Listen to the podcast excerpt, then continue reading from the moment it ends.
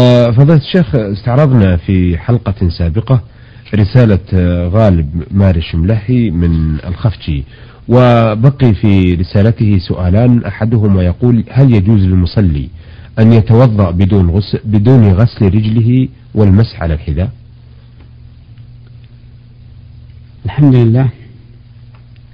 الوضوء لا بد فيه من أن يغسل الإنسان وجهه ومن ذلك المضمضة والاستنشاق وأن يغسل يديه من أطراف أصابعه إلى المرفقين وأن يمسح بجميع رأسه وبأذنيه وأن يغسل رجليه.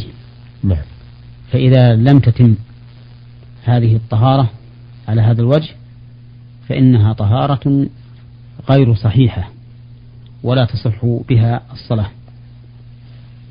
وأما المسح على النعل فإنه لا يجوز المسح على النعل لا بد من خلع النعل وغسل الرجل. نعم. أما الخف وهو ما يستر الرجل فإنه يجوز المسح عليه سواء كان من جلد أو من قطن أو من صوف أو من غيرها بشرط أن يكون مما يحل لبسه. أما إذا كان مما يحرم لبسه كالحرير على الرجل يعني لو لبس جرابا من الحرير فإنه لا يجوز له أن يمسح عليه لأنه محرم عليه لبسه. فإذا كان مباحا جاز المسح عليه إذا لبس إذا لبسه على طهارة وكان في المدة المقررة شرعا وهي يوم وليلة للمقيم وثلاثة أيام بلياليها للمسافر. نعم. تبتدئ هذه المدة من أول مرة مسح وتنتهي بتمام 24 ساعة بالنسبة للمقيم واثنتين وسبعين ساعة بالنسبة للمسافر. نعم. نعم. آه أيضا يقول ما حكم من يصلي أربعة فروض بوضوء واحد؟ الجواب لا بأس به.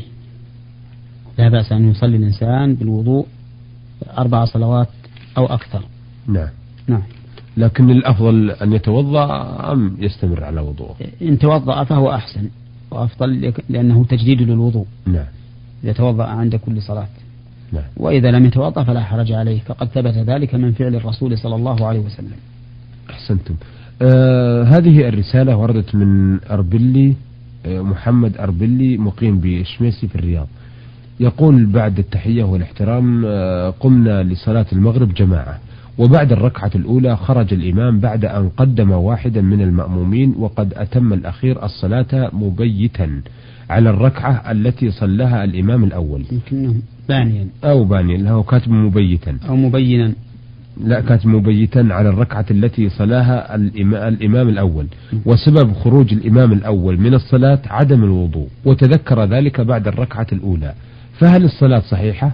أو يلغى تلك أو نلغي تلك الركعة ويأتي ونأتي بركعة أخرى. آه، أفيدونا وفقكم الله. هذه المسألة فيها خلاف بين أهل العلم فمنهم من يرى أنه يجب على المأمومين في هذه الحال أن يستأنفوا الصلاة من جديد. نعم. لأن إمامهم لا تصح صلاته. وإذا لم تصح صلاة الإمام لم تصح صلاة المأمومين. نعم. إلا إذا بقي ناسيا حدثه حتى انتهت الصلاة. فإن صلاة المأمومين حينئذ تصح. هذا قول. والقول الثاني أن صلاة المأمومين صحيحة في هذه الحال. وذلك لأن المأمومين معذورون. لم يطلعوا على حدث الإمام وهم غير مكلفين بما لا يعلمون لأن الله يقول سبحانه وتعالى لا لا يكلف الله نفسا إلا وسعها. فهم مأمورون بأن يجعلوا لهم إماما وأن يقتدوا بإمامهم وفعلا جعلوا لهم إماما واقتدوا بإمامهم وكون الإمام تذكر حدثه هذا أمر يتعلق به نفسه فعليه هو يجب عليه أن يستأنف الصلاة من جديد أما المأمومون فلا فإنه فإنهم لا يستأنفون الصلاة من جديد وإنما يستمرون بصلاتهم يتمونها نعم. ويبنون على ما مضوا على ما مضى من صلاتهم. سواء أتموها فرادى أم قدموا واحدا منهم أم قدمه الإمام الذاهب كما في هذه المسألة نعم. التي سأل عنها الأخ. نعم ففعلهم هذا صحيح إن شاء الله ولا حرج فيه. نعم. وهذا القول هو الراجح لأنه أقوى تعليلا. نعم. لكن لو حدث مثلا انقطاع الوضوء أثناء الصلاة فلا شيء في ذلك. وكذلك أيضا لو حدث في أثناء الصلاة آه، انقطع وضوء الإمام فإنهم إن قدم بهم أحدا أتموها خلف هذا الأحد الذي قدم وإن لم يقدم قدموا واحدا منهم أو أتموها فرادا. نعم. نعم.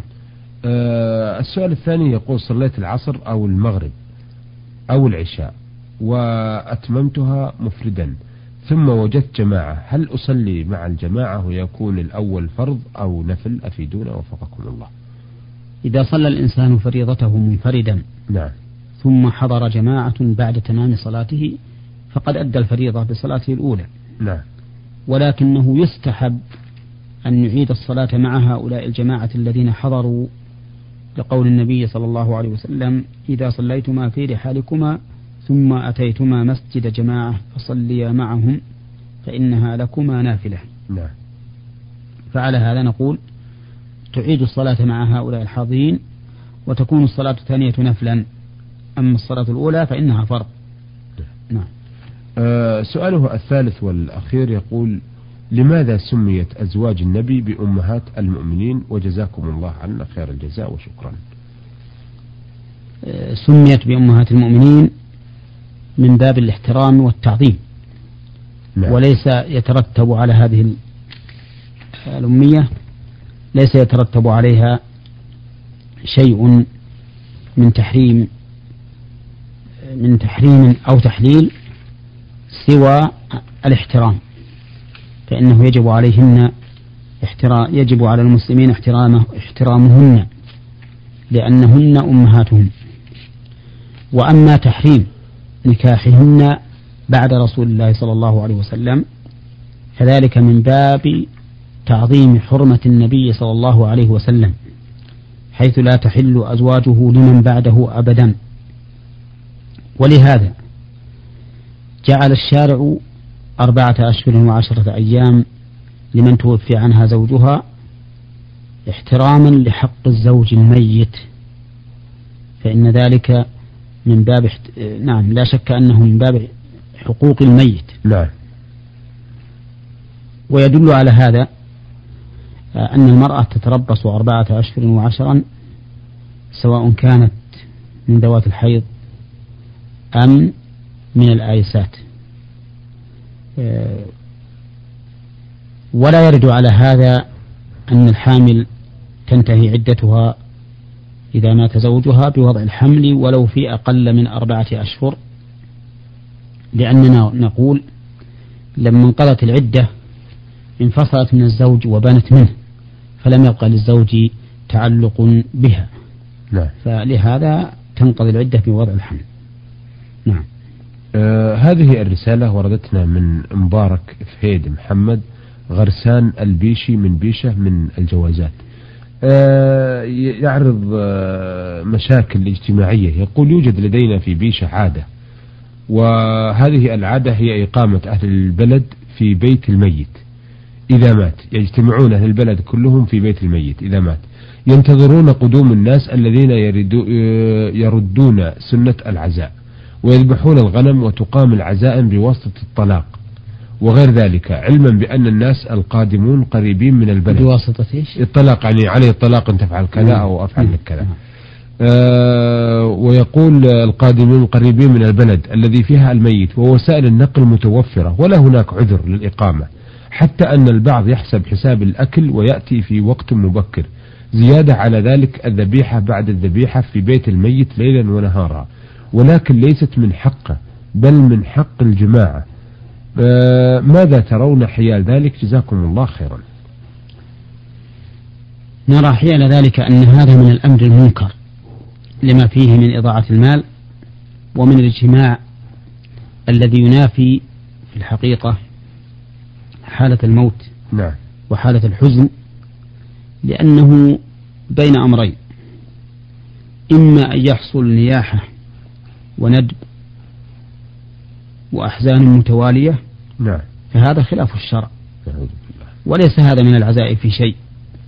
لأن العزاء معناه تعزية الإنسان أي تصبيره وإعانته على الصبر على ما أصابه من هذه المصيبة. وليس المراد بالتعزية تهييج الأحزان تهييج الأحزان عليه.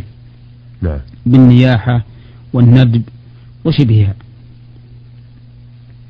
وإما أن يكون هذا الاجتماع اجتماع فرح ولهو ومعافرة وضحك ونحو ذلك فهذا أيضا ينافي حال الموت وما ينبغي أن يكون الإنسان عليه في هذه الحال. نعم. فدين الله بين الغالب فيه والجافي عنه والدين وسط. ومما يحصل من مضار هذا الاجتماع إضاعة الأموال الكثيرة فيه. فإنه كما ذكر السائل يقول كل ذبيحة وراء ذبيحة. وكذلك أيضا ما يحصل من هذه التلزيمات بل الإرغامات على الأكل حتى أنه كما ذكرت يحلف بالطلاق لا يأكلن. وهذا أيضا من الأمر الذي لا ينبغي فإن الحلف ينبغي بل يجب أن يكون الحلف بالله عز وجل. إن كان حالفا فليحلف بالله أو ليصمت. نعم. ولا ينبغي الإنسان أن يأتي بصيغة أخرى تدل على الحلف غير اليمين بالله سبحانه وتعالى إذا دعت الحاجة إليه.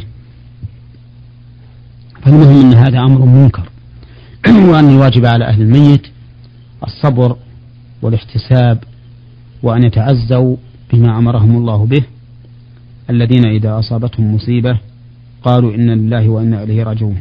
أقول أن يتعزوا بما أثنى الله على فاعله. نعم.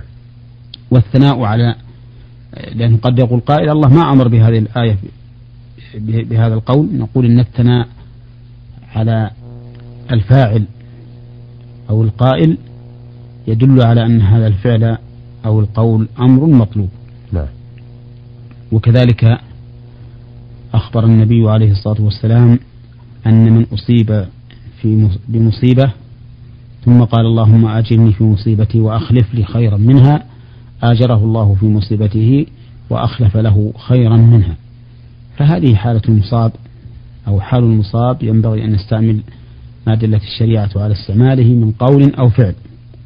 أما الاجتماع المذكور فإنه حرام. نعم. لما يفضي إليه من هذه المفاسد. نعم. نعم. آه أيضا يقول كثير من أصحاب السوق أهل البيع والشراء إذا نادى منادي الصلاة إما أغلق الباب وبقي خارج الدكان أو أغلقه على نفسه حتى ينتهي وقت الصلاة والعبرة بالصلاة لا بإغلاق المحل.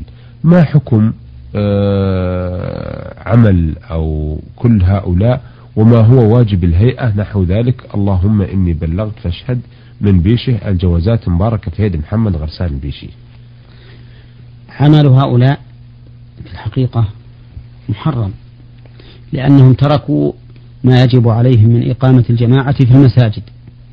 والواجب على المسلم أن يقيم صلاة أن يقيم الصلاة جماعة في مساجد المسلمين لأن هذا هو فعل النبي صلى الله عليه وسلم وأصحابه أن يقيموا صلاة الجماعة في المساجد. فهذا هو الواجب على كل مسلم. يا أيها الذين آمنوا إذا نودي للصلاة من يوم الجمعة فاسعوا إلى ذكر الله. نعم. وهكذا أيضا إذا نودي لها من غير يوم الجمعة. فإنه يجب على المسلمين أن يأتوا إلى هذه المساجد التي بنيت لإقامة الجماعة. وقد هم رسول الله صلى الله عليه وسلم أن يحرق المتخلفين عن الجماعة بالنار. أما بالنسبة لعمل الهيئة نحوهم فإن الهيئة يجب عليها أن تلزمهم بالصلاة نعم.